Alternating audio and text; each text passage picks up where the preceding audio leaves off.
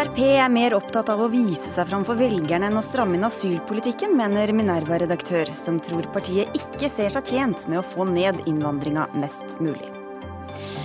Delt bosted vil føre til stressede småbarn, mener psykologspesialist om forslaget til endring i barneloven. Dagens ordning favoriserer mødrene, svarer en annen spesialist. Det kan bli lettere å få skyte kongeørn i Norge. Ørnen gjøres om til syndebukk, protesterer ornitologene, som frykter for kongeørnens framtid her til lands. Og er juni blitt en kose- og surremåned på norske skoler?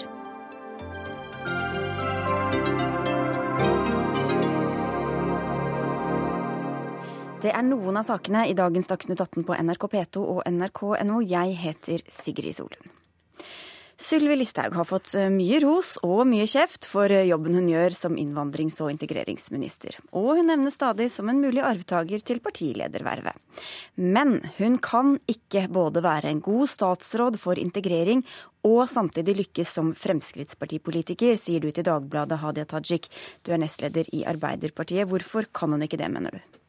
I Norge så har vi lykkes bedre med integreringen enn det man har i ganske mange andre europeiske land.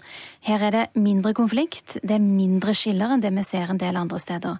Og det handler om at vi gjør en del av det som virker. Og det syns jeg vi skal gjøre mer av. Det er noe av det som Sylvi Listhaug er i ferd med å mislykkes med, når hun setter partiet sitt foran hensynet til landet. Et eksempel på det det fikk vi jo når Eh, Fremskrittspartiet la fram eh, sitt forslag til integreringsmelding. Det tok lang tid å få den. Når den til slutt kom til Stortinget, så var den blotta for tiltak. Man kutta til og med i norskopplæringen på mottakene, og jeg tror alle skjønner hvor viktig det er å tidlig lære norsk for å kunne bli en aktiv, deltakende samfunnsborger og arbeidstaker. Men hvordan er dette å ta hensyn til eh, Fremskrittspartiet da, og deres indre liv? Fordi dette er klassisk Fremskrittspartipolitikk å kutte i norskopplæring. Det er ikke bra for integreringen, men dette er det som har stått i deres alternative budsjetter og partiprogrammer i mange år. Men jeg kan godt gi deg ett eksempel til som setter det enda mer på spissen. Og det er det at vi ser at Fremskrittspartiet til og med er villig til å sette sin egen statsminister i forlegenhet ved at de på sitt landsmøte vedtar at man skal gjøre det stikk motsatt av det som både statsministeren har sagt, og som òg Arbeiderpartiet og andre politiske partier har gitt uttrykk for, nemlig det å søke sammen i en sak som er viktig for landet. Der har Fremskrittspartiet valgt å stå alene. Og da refererer du til dette dette forliket som ikke ble noe på Stortinget, og det skal vi diskutere også litt seinere. Men for å ta det overordnede her, eh, integrerings- og, og innvandrings- og integreringsminister Sylvi Listhaug. Du må velge, og du, da har du valgt partiet, sier Hadia Tajik. Er du enig i det? Det er jo bare tull og tøys. Det vi har valgt, er å få til den strengeste innvandringspolitikken Norge noen gang har hatt. Nå er det integreringen vi snakker om. Ja, og vi ønsker at den skulle være enda strengere. Men pga. at Arbeiderpartiet snudde i innvandringspolitikken, så ble ikke den så streng som vi hadde håpa. Så er det jo sånn at vi også på rekordtid la fram en stortingsmelding om integreringspolitikk, der eh, svaret fra Arbeiderpartiet var at de ønska mer av det som regjeringa hadde lagt fram, men de kom ikke med ett nytt forslag til nye grep i integreringspolitikken, på samme måte som de ikke gjorde de åtte åra de satt i regjering. Så dette her er jo et sånt mønster fra Arbeiderpartiet at de kritiserer og kritiserer og kritiserer, men de har ingen løsninger på de utfordringene som vi står i. Og for meg så ser dette ut som en dekkoperasjon. Her skal man prøve å vri fokuset vekk fra en svak Arbeiderpartileder som tok over etter Jens Stoltenberg, som hadde orden i sysaken og sto for ei linje. Mm. Jonas Gahr Støre har vingla i spørsmål etter spørsmål, og så prøver man man da vri fokuset over på dette her. Men det ja, tror jeg de fleste gjennomskuer, faktisk. Hvis vi ser på dette med integrering, dere sier jo at dere er opptatt av en god og en tidlig integrering. Hvorfor kutter dere da i tiltak som skal sørge for nettopp det? Det er jo ikke bare klasseromsundervisning med norsk som gjør at folk lærer norsk. Vi har f.eks. styrka det som går på internettilgang, altså flere program som gjør at du kan lære eh, norsk gjennom nett nettet. Det er jo en fantastisk nytt redskap som vi må bruke i enda større grad i tida som kommer. I tillegg til det så har vi altså styrka nå, eh, foreslår og har fått vedtatt, at vi skal ha 50 timer i undervisning med lover og regler, eh, norske verdier. Altså, Hadia Tajik og Arbeiderpartiet satt i regjering i åtte år med rent flertall. Løfta ikke én finger for å lære de som kom til landet, faktisk hvilke lover og mm. regler som gjaldt her. Eh, og Det viser med all tydelighet at denne regjeringa handler der de eh, somler, og at man nå har et eh, behov for å få pila vekk fra seg sjøl, ja. om man kan si det sånn, fordi at de svikter på Hvis du tar tak i dette, eh, Hadia Tajik, det er vel ikke sånn at alle integreringstiltak som alltid, vi alltid har hatt, er nettopp det som er det beste til å fungere. Eh, er det så gitt at, det, at de integreringstiltakene som dere vil ha, eller det som vi har hatt, er det som nødvendigvis fungerer best? Noen ting vet vi at fungerer. Norskopplæring, det fungerer. Arbeid, det fungerer. Og vi har kommet med helt konkrete forslag, sånn som vi òg gjorde da vi satt i regjering sist, da vi økte norskopplæringen og samfunnsfagsopplæringen. Ja, men det er mer av det, det som er, men ingen nye ser, forslag. Vi òg har foreslått i forbindelse med behandling av integreringsmeldinga og, og, i forbindelse med andre saker i løpet av dette året. Det handler både om å styrke norskopplæringen, men det òg handler om å innføre f.eks. lønnstilskudd midlertidig. Det vil være en enklere måte for flere grupper som i dag står utenfor arbeidslivet, å bli en del av arbeidslivet, bli en aktiv samfunnsborger samfunnsborger, bli en aktiv arbeidstaker, bli en skattebetaler. Det så sier Sylvi Listhaug det hun liker å si, nemlig begynne å snakke om innvandringspolitikk istedenfor integreringspolitikk. Da vil jeg understreke at de aller fleste forslagene som regjeringen la fram knytta til innvandring, de ble jo faktisk vedtatt av Stortingets flertall. De forslagene som ikke ble vedtatt, det er de forslagene som handler om å regulere innvandringen på en måte som går direkte utover integreringen. Men mener du at Frp ikke ønsker integrering innerst inne? Hva de ønsker inni sitt hjerte, det får de nesten svare på sjøl. Jo, men jeg, det ligger vel litt mellom linjene i det du sier?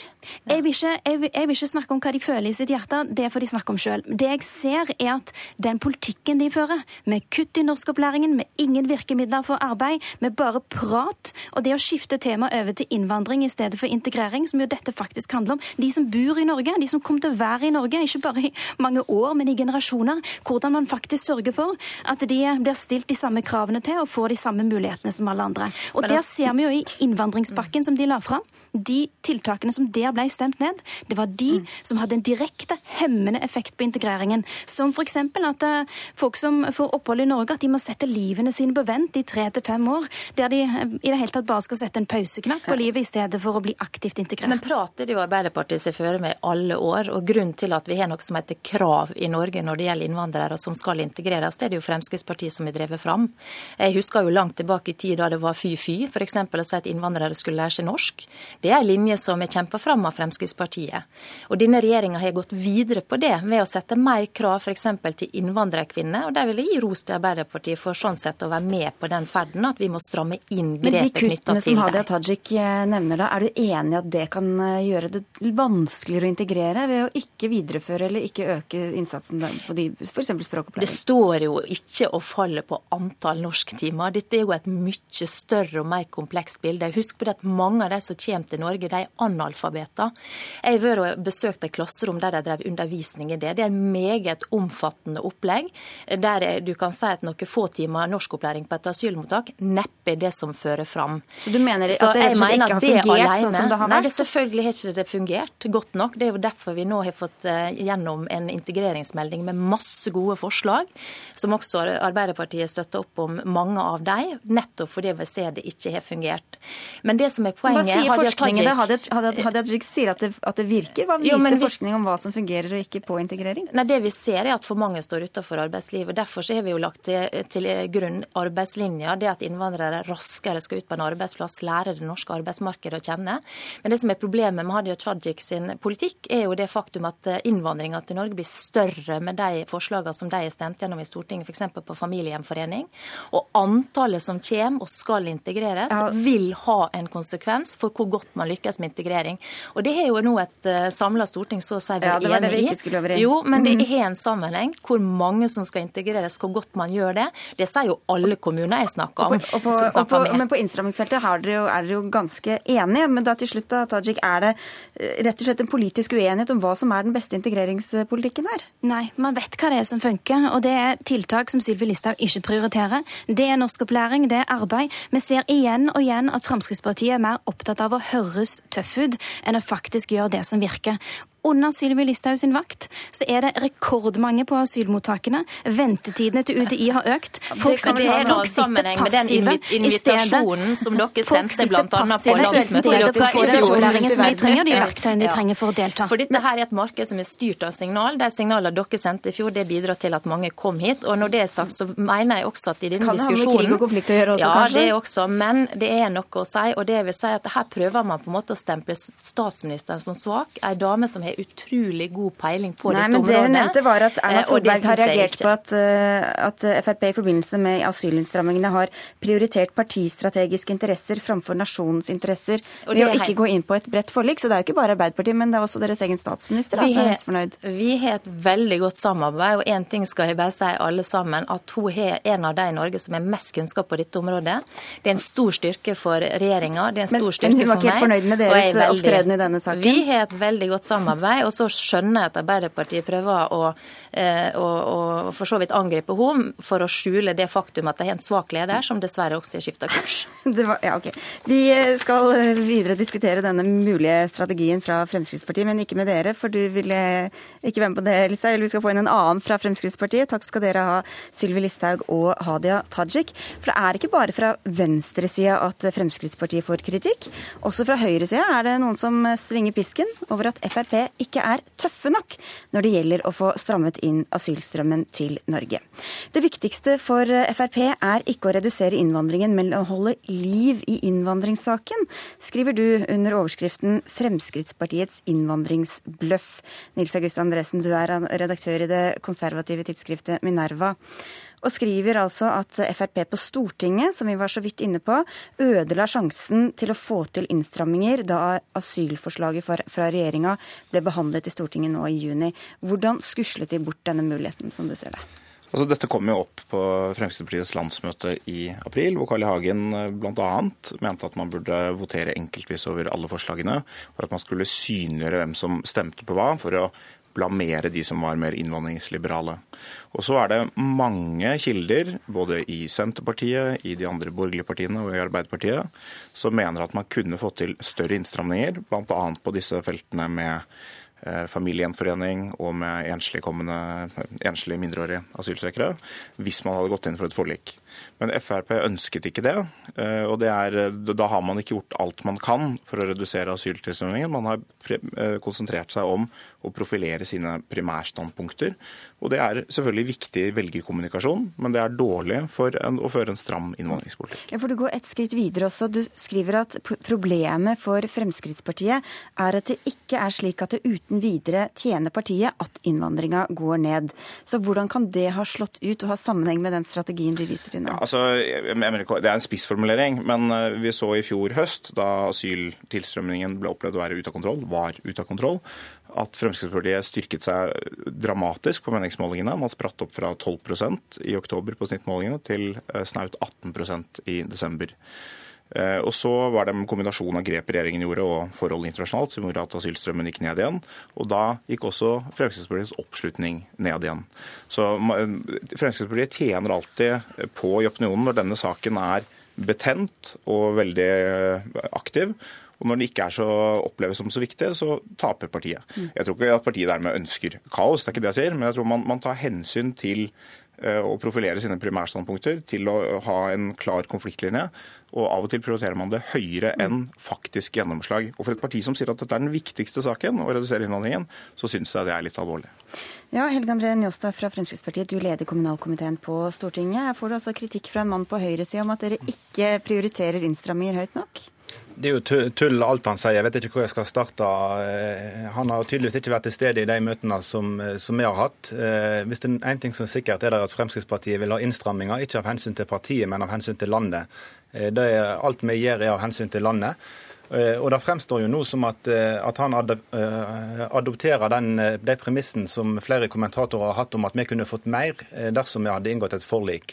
Eh, og da vil Mitt spørsmål tilbake være hva mer skulle vi fått? Eh, da spørsmålet stilte vi i stortingssalen til de andre partiene. Er det sånn at eh, hvis vi sitter på et bakrom og diskuterer, så kunne vi fått mer enn at vi åpent i Stortinget stemmer ved, over de forslag som ligger der? Vår erfaring er at det var ikke noe mer å hente, fordi de andre partiene var imot. Fordi Arbeiderpartiet og Senterpartiet har endra holdning fra desember til juni. Men de kunne kanskje vært for noen ting hvis de fikk altså Sånn er det å gi og ta i, i forliksprosesser. At dere kunne da fått gjennomslag på andre områder? Men det vi sa var at vi trenger innstramminger, og vi kan være med og diskutere med andre partier. Eh, og det gjorde vi, uten at vi fikk en eneste ekstra innstramming som ellers ikke ville fått. Mm. Fordi at partiene rett og slett har snudd. Og det kan ikke være sånn at de stemmer imot innstramminger de hadde vært for om det hadde vært på bakrommet. Da må de kunne stå ærlig og fortelle velgerne hva de kunne stemt for. Mm. Ingen har svart meg på hva vi kunne fått hvis vi hadde inngått et forlik. Ja, hvordan, hvordan, du sier selv at du ønsket at det ble en tapt sjanse for deg og andre som ønsket en strammere innvandringspolitikk. Hvordan vet du at de ikke gjorde alt de kunne? Nei, altså, Jeg er sikker på at de for så vidt gjorde mye på å få gjennom sine egne forslag, og de kom også med kompromissforslag helt på, på tampen. Nei, men, men, kompromissforslag hele tiden. Men, men, du sier Du må ikke uttale deg uten hva du snakker om. Nei, dere kom med kompromissforslag, men, men dere ville ha altså, votering på alle enkeltsakene. Og det du sier er eh, da er det sånn at man kunne fått til mer på et bakrom enn i stortingssalen. Det er et slags retorisk spørsmål, du forventer at svaret skal være nei. Men eh, jeg og veldig mange andre, inkludert i de andre partiene, som har vært til stede i disse forhandlingene, sier jo ja, det kunne man. Man kunne fått til mer på bakrommet. Ja, men hva kunne de gitt oss da? Hadde plutselig Arbeiderpartiet vært for å stramme inn på enslige mindreårige eller på familiegjenforening, så de har sagt de er imot? Hadde de plutselig vært for hvis de hadde sittet på et rom? Ja, altså Man har jo flere partier som har hatt en interesse av et bredt forlik. Både Arbeiderpartiet, Senterpartiet og mellompartiene har hatt det. Og så er det ikke sånn at jeg fritar Arbeiderpartiet for, måte, for skyld for at det ble jo, som det ble. Jo, men Du bidrar jo nå til at Arbeiderpartiet ja. slipper å diskutere at de har endra standpunkt fra desember til juni. Ja, Dette har jeg kritisert Arbeiderpartiet for, for tidligere. Nei, du skriver, du skriver Nei, ikke nå. Men, men, men nå kritiserer dere. Fordi selv om Arbeiderpartiet burde ha, ikke ha endret standpunkt og burde stemt for dette, så jo, gjorde Ja, men Du diskuterer spillet. Hvorfor diskuterer ikke du saken at vi trenger innstramminger, og at Arbeiderpartiet har skusla vekk de mulighetene? Men, fordi nå var det, det, nå var det dere han fordi, skulle snakke om. Fordi Fremskrittspartiet er det partiet som sier det er, vikt, det er, En av de viktigste sakene vi står overfor, er å redusere innvandringen. Ja. Da, de andre partiene sier ikke nødvendigvis det. Eh, alle partier driver med politisk spill og velger kommunikasjon og prioriterer av og til det høyere enn gjennomslag, men man gjør det kanskje ikke på de aller viktigste sakene. Jeg har kritisert Arbeiderpartiet tidligere, skrevet om det i Dagsavisen og skrevet om det andre steder, men nå kritiserer altså dere i kjølvannet av det som ble, da kom frem jo, i VG. Den mest, eh, mest eh, strengeste innvandringspolitikken Norge noen gang har hatt pga. Fremskrittspartiet, og så likevel kritiserer du oss. Ja, det er riktig, fordi dere kunne og burde fått til mer. Okay. hvis dere ikke hadde sagt ja, men, hva, mer, hva mer hadde vi fått? Hva mer hadde vi fått vet du det, vet du det, Andresen, hva altså, vi kunne fått fram? Jeg har snakket med mange personer i partiene, men det er klart at det å si akkurat hva resultatet ville blitt om man hadde fulgt en strategi som man ikke fulgte, det er det ingen som ja, kan si. Men som, at det var vilje Som var en strategi som Erna Solberg også ønsket seg, Njåstad?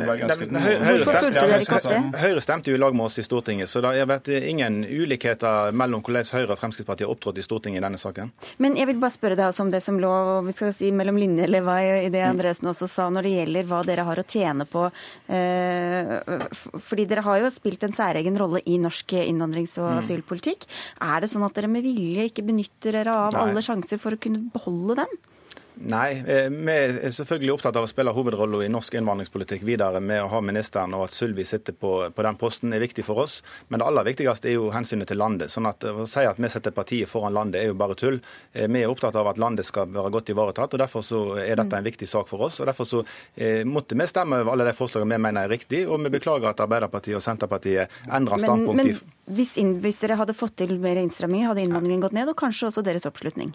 Nei, det er ingenting som tyder på det. Vi, vi hadde et kommunevalg som vi gjorde det dårlig på når innvandringen var på topp i Norge, så det er ingen sammenheng mellom tilstrømmingen til Norge og vår oppslutning. Men det viktigste for oss er faktisk å ha kontroll for landet og innbyggerne. og Derfor så trenger vi en stram innvandringspolitikk. og Nå fikk vi på plass en stram innvandringspolitikk, men den skulle vært enda strammere etter vårt syn. Konspirasjonsteorier, altså, Andresen? Altså, jeg, jeg, tror ikke at man sitter med bevisst plan om å prøve å få innvandring ut av kontroll, men jeg tror kanskje man ikke alltid tar inn over seg hvordan eh, FrPs atferd påvirker de andre partiene. og dette er jo, En ting er denne konkrete saken, men over tid så har jo Frp av og til med sin retorikk, av og til med konteksten forslag kommer i, også gjort det vanskeligere for potensielle allierte og støttespillere å støtte Fremskrittspartiets forslag.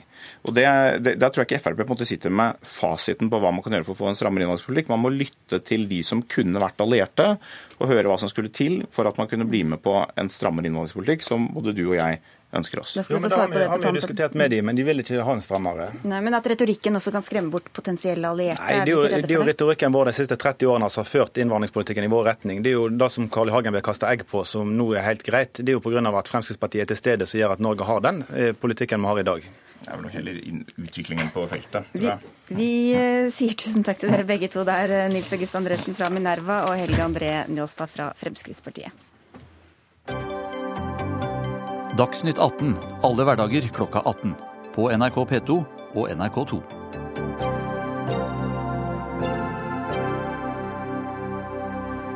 Den internasjonale olympiske komité, IOC, støtter som venta avgjørelsen om å utestenge russiske friidrettsutøvere fra OL i Rio de Janeiro. Det skjer etter avsløringer om omfattende og organisert doping. IOC tviler også sterkt på at utøvere fra Kenya er rene, kom det fram på dagens møte. Og nå skal dopingkontrollene med utøvere fra de 27 andre idrettene intensiveres før OL. IOC-medlem Gerhard Heiberg, du fulgte møtet i Lausanne i Sveits eh, i dag. Det var vel ikke noe overraskelse at, dere, at eh, Den olympiske komité landet på å opprettholde utestengelsen, men hva er begrunnelsen?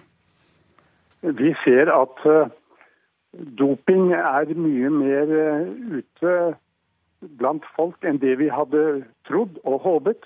Vi ser at det vi har gjort ikke holder helt mål. Og nå må vi gjennomgå alt som er, både hos de forskjellige idrettsforbund og ikke minst i nasjoner. Og Der er det da foreløpig Russland og Kenya som eh, har eh, mest svin på skogen. Ingen tvil om det. Hva skal, det, hva skal da skje med også disse andre idrettsgrenene nå framover? Ja, nå vil vi at de internasjonale idrettsforbund tar ansvar for eh, utøvere både fra Russland og fra Kenya, og tester disse i forbindelse med Rio. Og vi håper da at vi får frem hvem som er rene og hvem som er dopet, slik at vi kan ta ut de som er eh, dopet. E, et eh, annet utvalg, eh, ledet av den canadiske jusprofessoren Richard McLaren, skal undersøke beskyldningene om bytting av prøver og filtrering av positive prøver under Sotsji-OL, hvor det også er sterke dopingmistanker. Hva skjer med andre russiske idretter hvis disse mistankene viser seg å stemme? Ja, Det er jo ikke noen tvil om at det er flere i IOC som gjerne ser at man utestenger Russland. Ikke bare friidretten, men Russland som nasjon. Og Begrunnelsen er selvfølgelig at vi føler at eh, her er eh, dopingmisbruk satt i system, og det dreier seg om mange idretter. Får vi det bevist ved disse prøvene som nå undersøkes fra Sotsji, og som skal være klare i juli, så kommer den diskusjonen til å komme opp igjen. Mm. Sportsblogger Andreas Seljås, hvor dramatisk blir de faktiske konsekvensene av det som ble kjent i dag? Altså, dette er jo veldig dramatisk for uh, den olympiske bevegelse. Den uh, rapporten som Rune Andersen avga for litt siden, den, er, den er veldig veldig sterk. Uh, den dreier seg ikke bare om idrettsutøvere. Den dreier seg om et helt system og en kultur som har gått på ville veier. Eh, og på mange måter så ga IOC, Thomas Bach og IOC-rådet i dag tilslutning til de anbefalingene som Rune Andersen ga. Og det kan gjelde flere idretter fremover? Ja, som Heiberg var inne på, så er denne McLaren-rapporten kommer til å få stor betydning, tror jeg, for uh, hva som skjer med Russland som helhet. Uh, samtidig så er det jo nå satt i gang stort apparat for å avdekke eventuelle dopere både i Russland og i Kenya, i alle idretter Jeg stiller et lite spørsmålstegn ved, ved, hvordan de skal greie å organisere dette her. For det, det er en del av disse forbundene som får ansvaret eh, for å teste, som kanskje ikke har den beste dopingapparatet eh, fra før. Eh, så det blir veldig spennende å se hva som skjer. Russerne har altså grunn til å frykte enda mer vidtrekkende konsekvenser, men er det rettferdig at de blir tatt så hardt, mens andre som også har drevet med doping, går fri? Ja, hva som er rettferdig og ikke rettferdig, den saken er litt vanskelig å si. Det er i hvert fall veldig urettferdig for de eh, rene utøverne som har blitt slått av russiske dopere i mange år. Så, og det, det, er urettferdig. Så hva som er rettferdig og ikke rettferdig her, det, det, eh, det kommer litt an på øyet som ser og ørene som hører. Men eh, jeg kan nok tenke meg nå at det blir en veldig veldig hard kamp fra Russland sin side for å for å få lempet mest mulig på disse kravene. Og Det virker litt som i dag som Thomas Bach og rådet ga litt etter russisk press. fordi eh, slik jeg forstår det, så kan russiske utøvere, hvis de blir eh, klare til OL, delta under russisk flagg. Mm. Og Det var ikke det Rune Andersen sa i sin rapport eh, som kom ut på før helgen. Ja, kanskje du kan oppklare helt på tampen, Herberg. Hvordan skal dette fungere? det skal fungere som Rune Andersen eh, foreslo. Jeg er enig eh, i at eh, det var litt uenighet i dag i det som kom frem. Men vi følger den innstillingen som Det internasjonale friidrettsforbundet har tatt her. Så vi tror ikke det blir noen andre russiske utøvere. Og de som lever utenfor Russland, det er de vi snakker om, mm. og som har vært rene i alle år, de kan kanskje delta, men da med under det olympiske flagg, og vinner de, så er det den olympiske hymne som skal spilles. Vi får se. Takk skal dere ha, i hvert fall begge to, for at dere var med i Dagsnytt 18, Gerhard Heiberg og Andreas Seljås.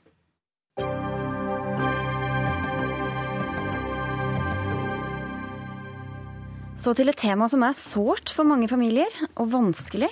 Hvor skal de minste barna bo hvis foreldrene går fra hverandre, eller kanskje aldri skal bo sammen? Debatten går i fagmiljøene etter at barne- og likestillingsministeren nå vil endre barneloven og gjøre det vanligere å velge delt bosted. Ida Brandtzæg, du er psykologspesialist ved Nikvolds institutt, og du har vært med på å utforme brosjyrene som i dag deles ut, der man sier at man skal være varsom med å ha delt bosted for de minste barna under to til tre år. Det stemmer. Og du tar til orde for å beholde disse ordningene. Hvor, hvorfor eller hvordan kan delt bosted være skadelig for de aller minste barna? Nei, vi, vi er jo for det første så har vi ikke forskningsgrunnlag for å si at det er bra for små barn, under, særlig under to år, da, å ha to hjem, to baser. Så at eh, Når vi har den usikkerheten i forskningen, kombinert med at vi vet at eh, spedbarn er veldig skjøre, at de har et umodent nervesystem og lav stresstoleranse, så, vi, så, mener vi at det er fag, mest faglig forsvarlig å være varsom med dette. Så det er litt sånn for sikkerhets skyld? Ja, det er, det er for sikkerhets skyld. Mm. Spesialist i psykiatri Dag Furuholmen, du har også engasjert deg i denne debatten, bl.a. i et innlegg i Dagsavisen. Hva er problemet, som du ser det, med at det er én forelder som er hovedomsorgsperson, og der det barnet skal legge seg hver kveld? Mm, det er vel litt denne for sikkerhets skyld-holdningen som kommer fram i denne brosjyren. Og den for sikkerhets skyld-holdningen varer jo langt lenger i brosjyren enn bare opp til tre år. Den varer også langt opp i mellom tre og seks. Og det tolkes selvfølgelig da av befolkningen på forskjellige måter, og av rettsvesen og av eh, andre faginstanser på en sånn måte at eh, far blir ekskludert fordi man er engstelig for å gjøre feil. Og jeg, jeg mener at Brandtzæg og co er nødt til å se litt på hvordan deres egen måte å kommunisere på skaper engstelse i disse forskjellige institusjonene. For det er sedvane at barnet blir boende hos mor, eller i hvert fall vært det vanligste? Ja, altså det har jo vært veldig vanlig å se på mor som, eh, som tilknytningsperson nummer én.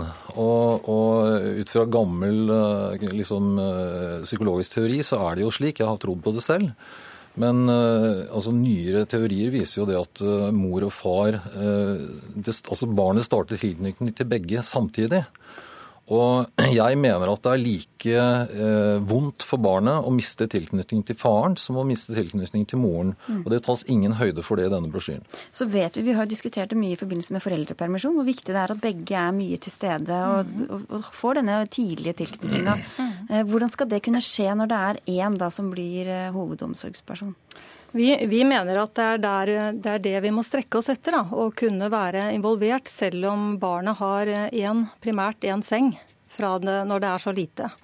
Og at den andre forelderen kan være involvert likevel, selv om det er et brudd. Og at det er i den retningen bevegelsen bør gå. For dette er jo et felt og et område i samfunnet som er i stor endring. Og at vi mener at det er dit hen vi må strekke oss. Men, men, så er det dette kjønnsperspektivet at det er det mange fedre som føler at de ikke får den tida eller den eh, omsorgsrollen som de da egentlig ønsker. Hva slags hensyn skal man gi til det, da?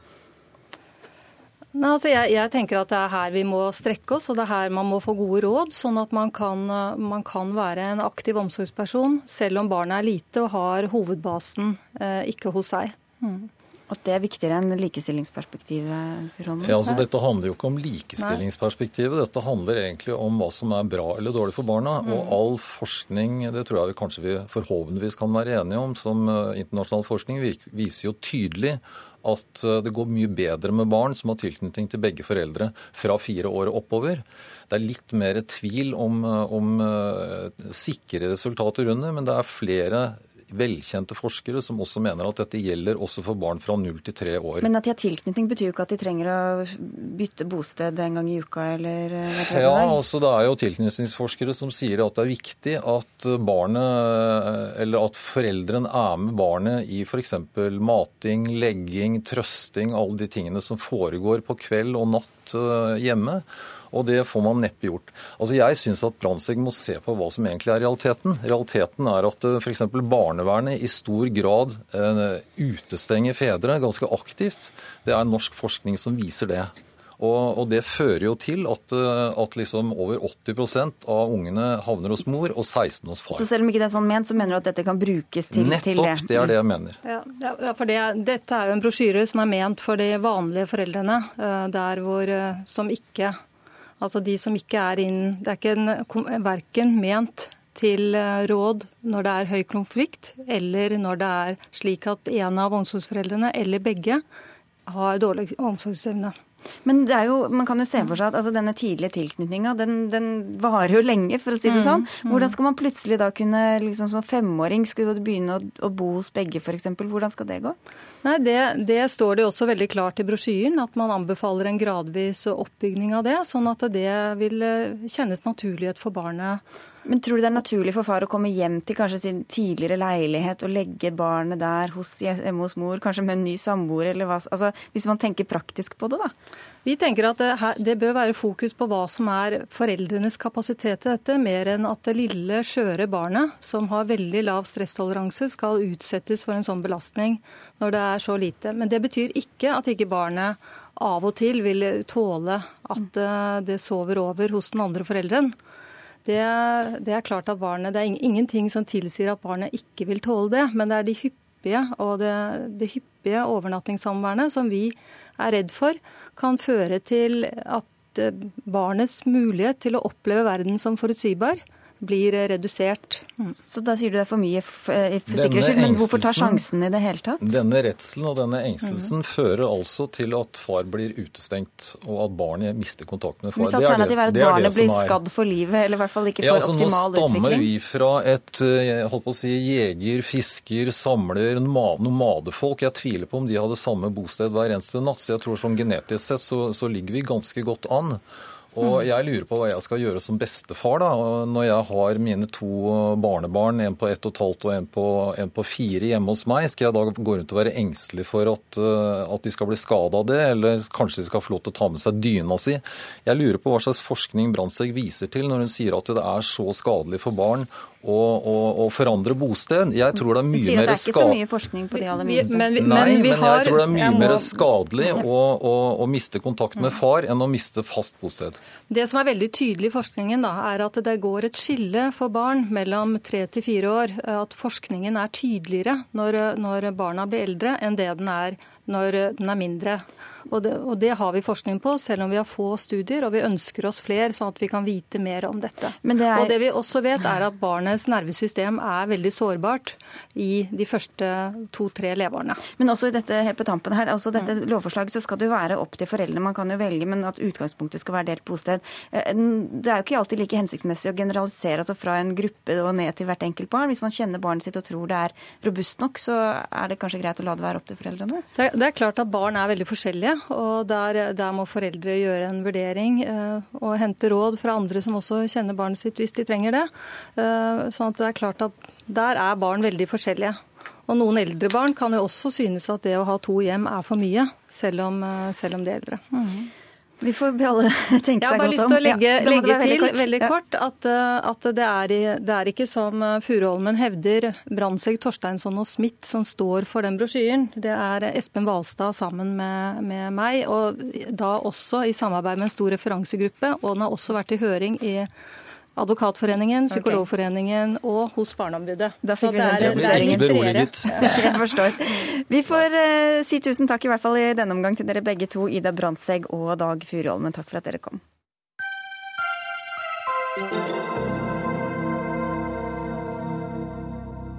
Akkurat da du trodde at debatten om flypassasjeravgiften var over, så vips er den her igjen. For nå ber flere miljøorganisasjoner i Aftenposten om at regjeringa krever inn flypassasjeravgift også for de tomme flysetene.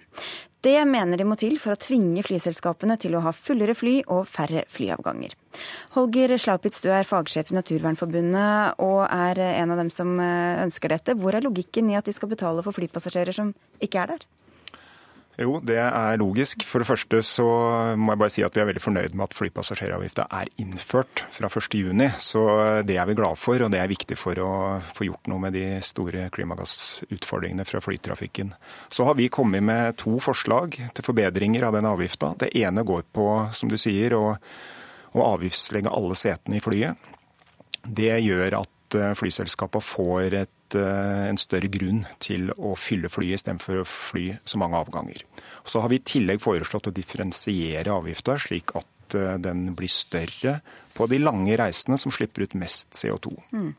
Torbjørn Lote, du er administrerende direktør i NHO eh, Luftfart. og Du er vel kanskje akkurat kommet over den forrige avgiften, så kommer denne her også. Hva syns du om forslagene? Ja, Det her illustrerer jo at uh, det her ikke fungerer. 14 dager etter skatten blir innført, så begynner man å, å diskutere nye skatter igjen. Det De har vel ønsket det sånn hele tiden, da, bare for å ha sagt det? Ja, Det her er ren kosmetikk på en skatt som ikke virker. Uh, å legge det her ut på alle seter vil jo bety at man vil legge ned ute i Distrikts-Norge, som er de som har dårlig kapasitetsutnytting, som har svak lønnsomhet i utgangspunktet utgangspunktet. Så hvis man vil legge ned Widerøe sine ruter i distriktene, så det her er en effektiv måte å gjøre det på. Eller la markedet virke, da, sånn som NHO ellers er til Ja, men det her er jo de rutene med lite trafikk. Eh, Etterspørselen er ikke der, så da trenger vi ikke de rutene. Ja, men de har ikke mange alternativer. Og alternativet for mange å kjøre bil eller hurtigbåt, som verken er med i kvotesystemet eller er mer miljøvennlig enn fly. Så eller betale der, mer da for, for billettene. Ja, så det her er dårlig, dårlig miljøpolitikk, rett og slett, fordi du skubber folk over på andre transportmidler som faktisk forurenser mer. Og det å å øke skatten på lange strekninger. Ja, det kan i utgangspunktet virke fornuftig, det. Men hvis det bare er Norge som gjør det, hva gjør vi da? Jo, vi reiser til København og Stockholm, og så reiser vi på flyene derfra over Norge og slipper ut mer drivstoff. Det blir enda verre. Ja, altså Det er ikke riktig. Nå må jeg svare på de to eh, forslagene vi har, for der kom det motforestillinger på begge. Og Bare for å ta dette med distrikt og seteavgift. For det første så har ikke vi foreslått å øke avgifta på innenlands flyreiser. Eh, vi har foreslått, som du sier, at den settes per sete. Ja, men Hvis det er tre sete. stykker som kjører på flyet, så må de dele på det ja, seg imellom? Og, men det bidrar til en bedre effekt og en bedre ressursutnyttelse. Og så er det jo skal de legge ned de rutene, da? Eller Nei, altså disse distrikts, distriktsflyrutene får jo, de, de, små distriktsflyrutene de får tilskudd fra staten. Og de får en kompensasjon gjennom det tilskuddet. Så de er ikke berørt i det hele tatt. Altså Melkeruta langs Finnmarkskysten fra Lofoten til Bodø osv. De får ingen effekt på, av dette her. Men eh, så er det klart andre ruter vil få det. Men det må jo kompenseres på andre måter. Staten kan subsidiere de rutene også. Vi kan gi Hva er poenget da, hvis eh, ingenting skal koste noe mer? Nei, altså Det er jo å berøre de, sto, altså de, ut, de rutene som har størst utslipp. Det er sånn Oslo-Bergen, Oslo-Trondheim, Oslo-Stavanger og ikke minst det utlandet. Det er det som er vårt viktigste poeng, å få et mer effektivt system. Og Da sier han at problemet bare forskyves, at man heller eh, reiser til Stockholm og så tar man langdistanseflyvinga derfra i stedet? Altså Hvis noen vil det, så er det jo klart en mulighet. Altså Vi snakker om 200-300 kroner kanskje i økt avgift for en sånn reise ut fra Norge. Og hvis noen vil da bytte og ha det bryderiet med seg, så er det fullt mulig å, betale, å spare de pengene. Men vi tenker jo litt lenger enn som så. Altså Svenskene de diskuterer å innføre avgift. Tyskland har en tilsvarende avgift som er differensiert med tanke på de lange og de korte og de mellomlange reisene tilsvarende av Storbritannia. Vi ser for oss at uh, her må flere land gjøre det samme som oss, og at uh, det norske bidraget her er å gå i front og få til et avgiftssystem som fungerer. Gå foran. Og så må jeg bare si at I motsetning til den forrige avgiften, eller den vi har innført, så er jo dette lansert som en klimaavgift. Så hvis det fører til færre flyavganger, så jo, har man jo oppnådd det man ønsker. da. Flyet er jo det transportmiddelet som har høyest kapasitetsutnytting. Den ligger på 75-80 langt over tog og andre, andre, transportmidler. slik at de har jo i utgangspunktet en god, god, utnyttelse. Eh, men det som er interessant, det er jo at Naturvernforbundet foreslår forslag som ikke virker. Vi er for så vidt enige med Naturvernforbundet vi at man skal gjennomføre tiltak som gjør at man får en bedre klimastatus også på fly. Men hvordan vet du at det ikke virker, da? Ja, Det, det, det har jo f.eks. Grønn skattekommisjon vært veldig tydelig på når de har analysert ulike typer skatte- og avgiftsordninger. De har jo faktisk foreslått at eh, den dobbeltbeskatningen vi har på CO2-avgiftene, bør, bør, nedskaleres, eh, og ikke oppskaleres sånn som man gjør med denne flyskatten. slik at det faglige det er rimelig godt fundert. Det vi har foreslått, det er rett og slett at man setter inn avgiftsprovenyet, f.eks. for, for CO2-avgiften og kanskje også for flyskatten, på et fond og bruke det for å skape produksjon av biodrivstoff. Du må bygge en bro fra den kunnskap vi har om å produsere bærekraftig biodrivstoff, til å kommersialisere det. Det er fullt mulig. Vi har flere miljøorganisasjoner med på det, men ikke Naturvernforbundet, for de vil regulere og skattlegge. Og Nå kom SSB med nye tall på befolkningsprognoser. En million nye nordmenn i løpet av 18 år. De vil også reise med fly. Vi kan ikke bare stoppe det her. Ja, altså Flere folk gir større miljøbelastning, og da må vi kutte enda mer. og Derfor er det viktig med virkemidler som funker. Det er litt rart at NHO stadig kritiserer oss når vi kommer med forslag som, eh, som vi mener er bedre. Det tyder vel egentlig på at NHO ikke er så opptatt av Men de vil ha andre typer avgifter eller andre kompensasjonsordninger i stedet for? Altså, vi, at det ikke vi, fungerer det dere foreslår? Altså, Vi har jo ikke prøvd. Det går ikke an å si at dette her ikke fungerer. Dette er jo ren markedsøkonomi å avgiftslegge det som er forurensende, og få en større avgift på det som har høye, høye utslipp. Grønn skattekommisjon ble trukket frem av Lote nå. Grønn skattekommisjon har foreslått at det utredes en flyskatt for de lange reisene ut av EU-området. Og Det mener vi er veldig viktig, fordi de har de høye utslippene. Det vil være et mye mer rettferdig avgiftssystem. Og avgiftslegge i tråd med de utslippene en har. Forurenser betaler helt på tampen her. Lotte. Ja, og, og vi, vi, er enige i at man bør skattlegge utenfor EU, men da må man gjøre det internasjonalt. Og, og, vi mener at man må lage en global skatt. ICAO jobber med det. og Der er vi helt enige i at man må lage et globalt markedssystem, eh, og det kommer. Og det er internasjonale løsninger som må til, ikke særskatter som gjør at vi bare flytter problemer rundt i Europa. Det løser absolutt ingenting. Og Da må Norge gå i front, for de internasjonale avgiftene og avtalene de tar det veldig lang tid å få til. Så når Norge får til bedre avgifter, så går det lettere. Med tanke på den balubaen vi har vært gjennom nå, så spørs det hvordan det står til med lysten hos den norske regjeringa til å ta initiativ til det akkurat nå. Men vi kan jo eh, få se, vente og se. Takk skal dere ha i hvert fall begge to, Holger Slaupitz fra Naturvernforbundet og Torbjørn Lote fra NHO Luftfart. Hør Dagsnytt 18 når du vil. Radio NRK.no.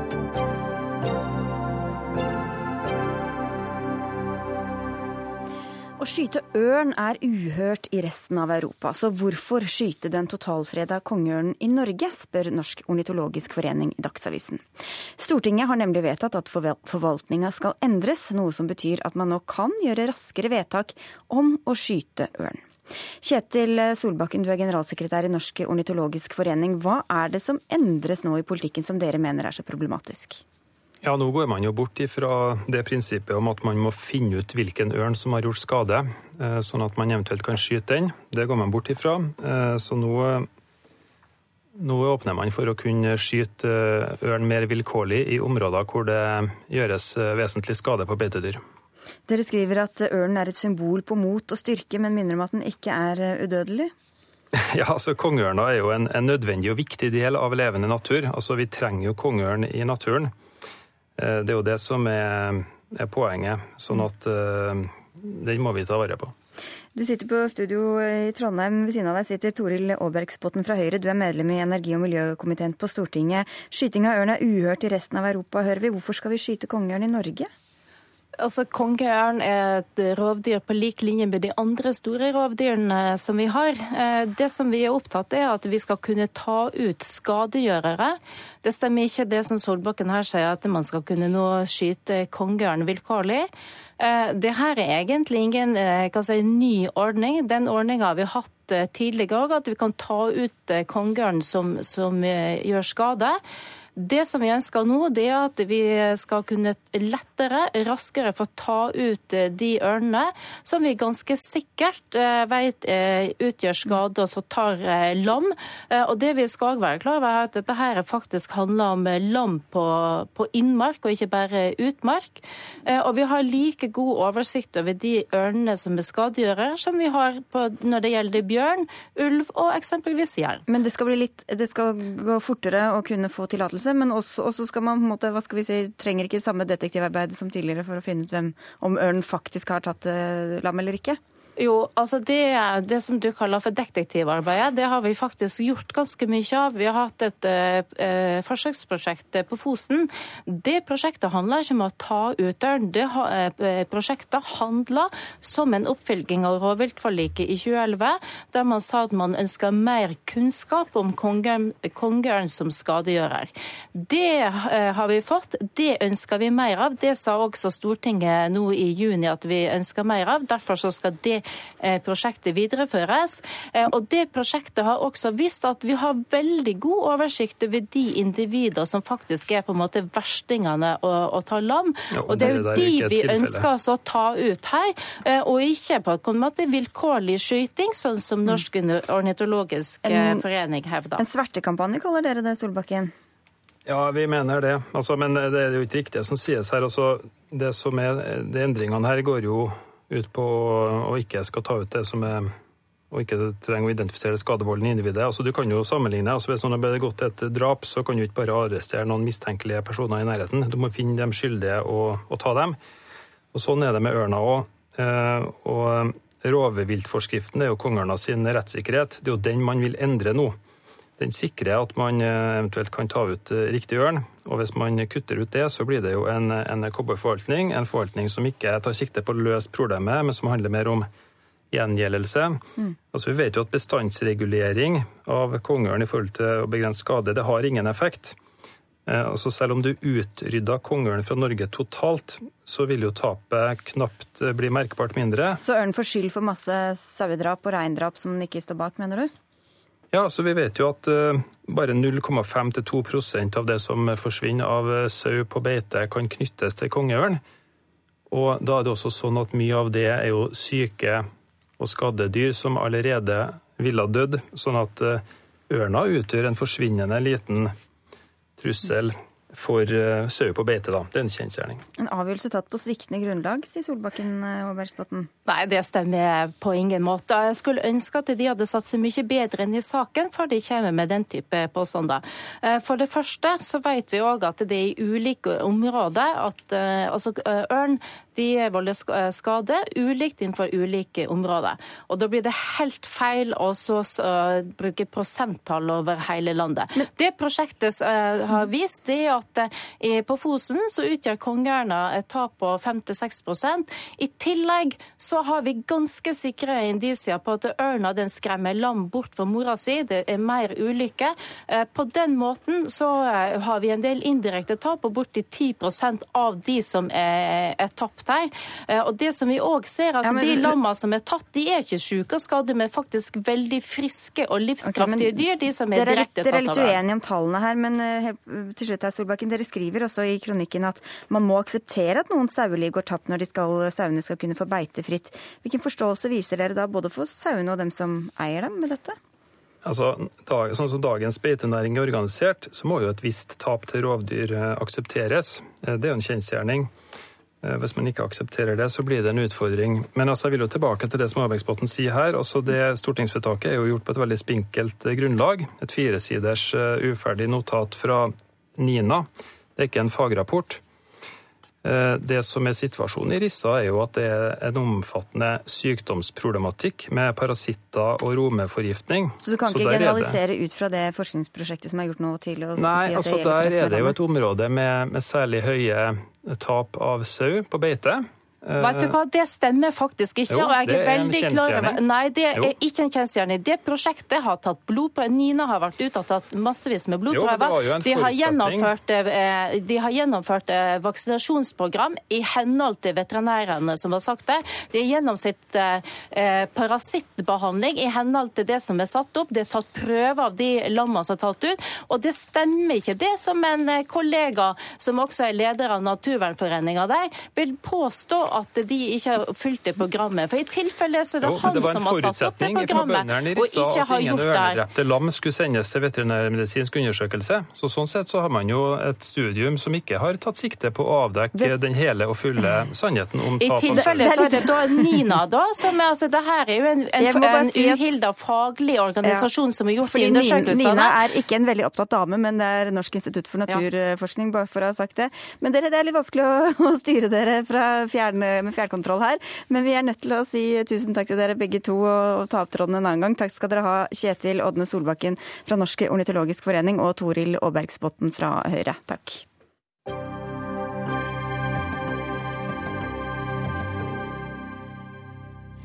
For det er juni, og ferien kryper så smått eh, inn i mange hverdager for store og små. Men i Aftenposten i dag leser vi at eh, skole, for skolebyråden i Oslo er det blitt eh, for mye junikos med for lite struktur i skolen denne måneden. Simon Malkenes, du er lektor ved Ulsrud videregående skole i Oslo, og du liker ikke denne holdninga fra skolebyråden. Hvorfor ikke det?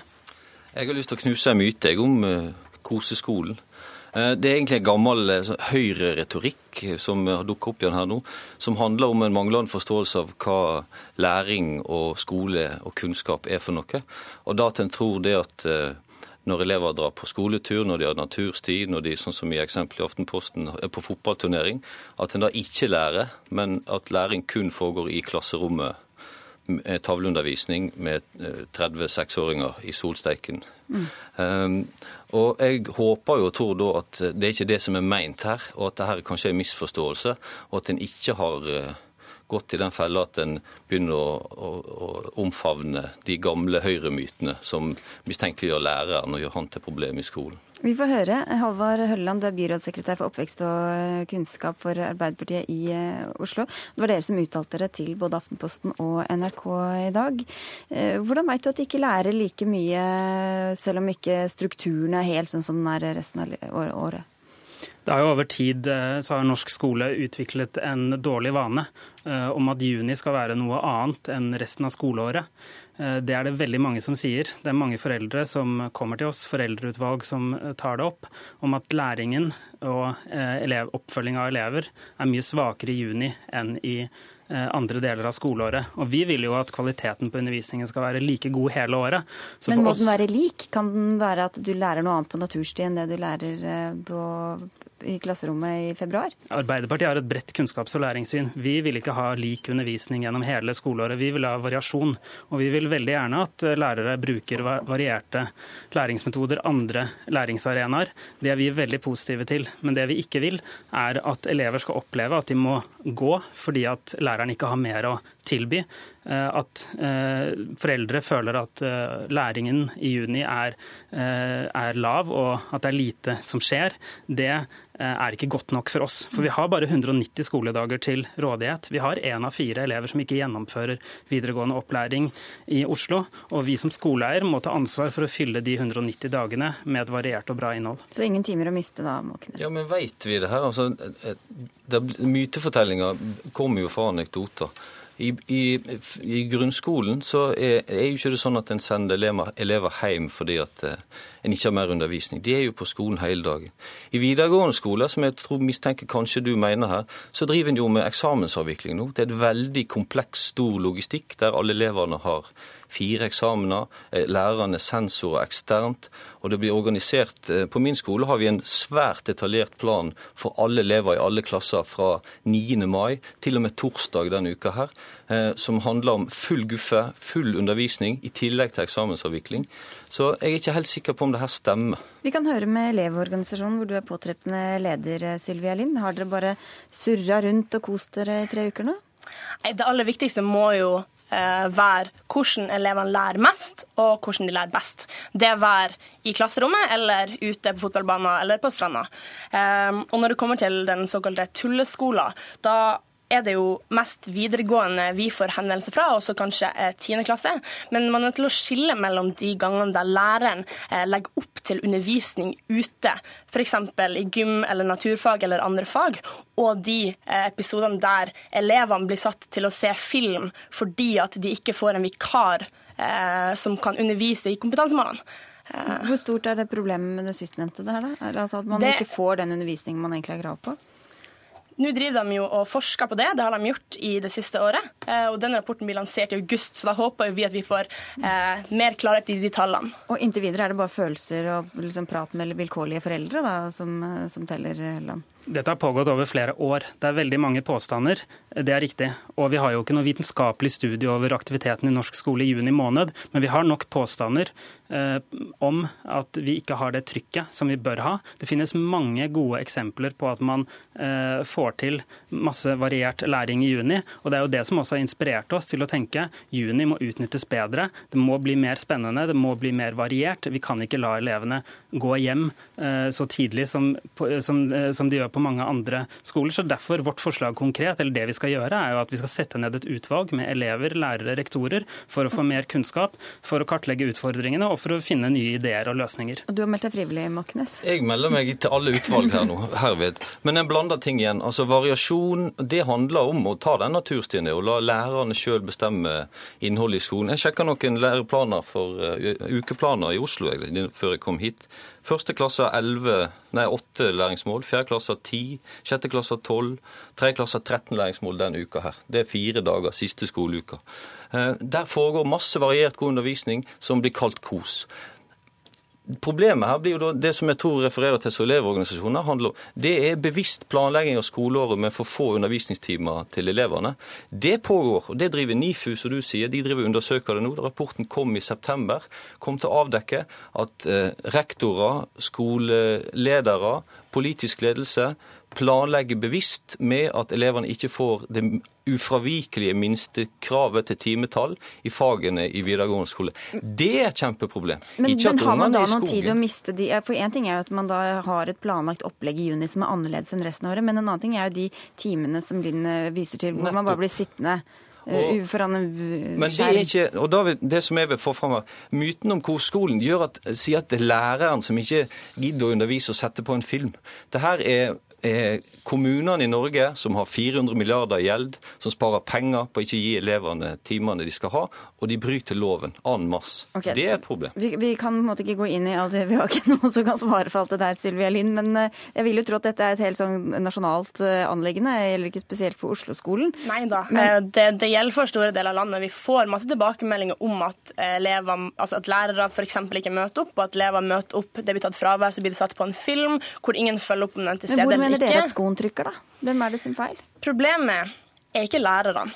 Dette er en slags systemsvikt der man ser at elevene står under veldig mye press i april og mai, eh, fordi at lærere skal ha gått gjennom alle kompetansemålene før, de, før elevene blir trukket opp til muntlig eksamen.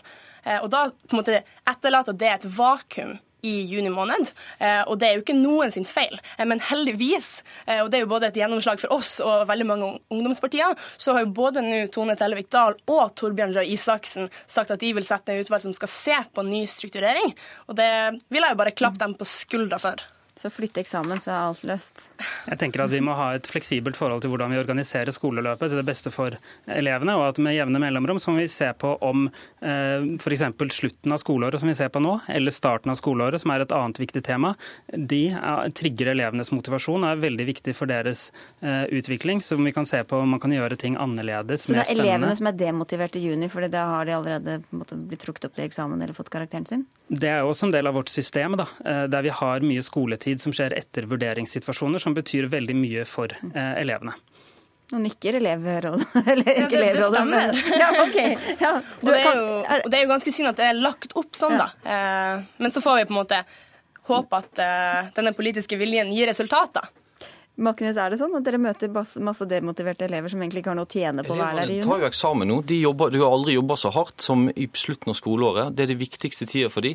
De trenger den tida og den roen til å ta de eksamenene. Og selvfølgelig, og det, det er kjempekomplekst eh, logistikk for å få det der til å gå opp. De er supermotiverte. Ungene som er i barneskolen er supermotivert for å gå ut i skogen. Og i videregående skole er de supermotivert for å ta Ikke følge elevorganisasjonen. For å ta eksamen selvfølgelig. Ja, ja. Men... Men... igjen, jeg har lyst til å si, altså, mitt eget eksempel. Neste skoleår jeg skal ikke miste mine elever 31 timer, eh, som er et lovbrudd. Og Det handler om skolesystem, og det handler ikke om lærere eller organisering av juni. Det handler om organisering av hele skoleåret. Det er et problem som må adresseres. Sylvia Lind, på, helt på slutten her. Ja da, nei da, Det er jo ikke sånn at vi sier at elevene alltid er demotivert til å ta eksamen, eh, men man blir demotivert når man ikke får særlig lærlingsutbytte i visse situasjoner på visse skoler i juli, juni måned. Det høres ut som dere må se på noe litt mer enn bare juni måned på skolen, men hele skoleåret som, som helhet, Hølleland? Ja, vi legger opp til å vurdere hele utnyttelsen av hele skoleåret. Vi har de 190 dagene, og de må vi bruke best mulig. Og jeg vil være med. Jeg melder meg hermed på.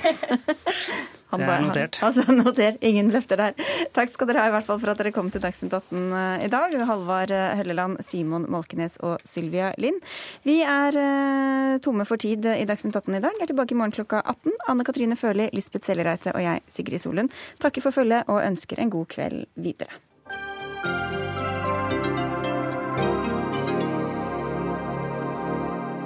Hør flere podkaster på nrk.no podkast.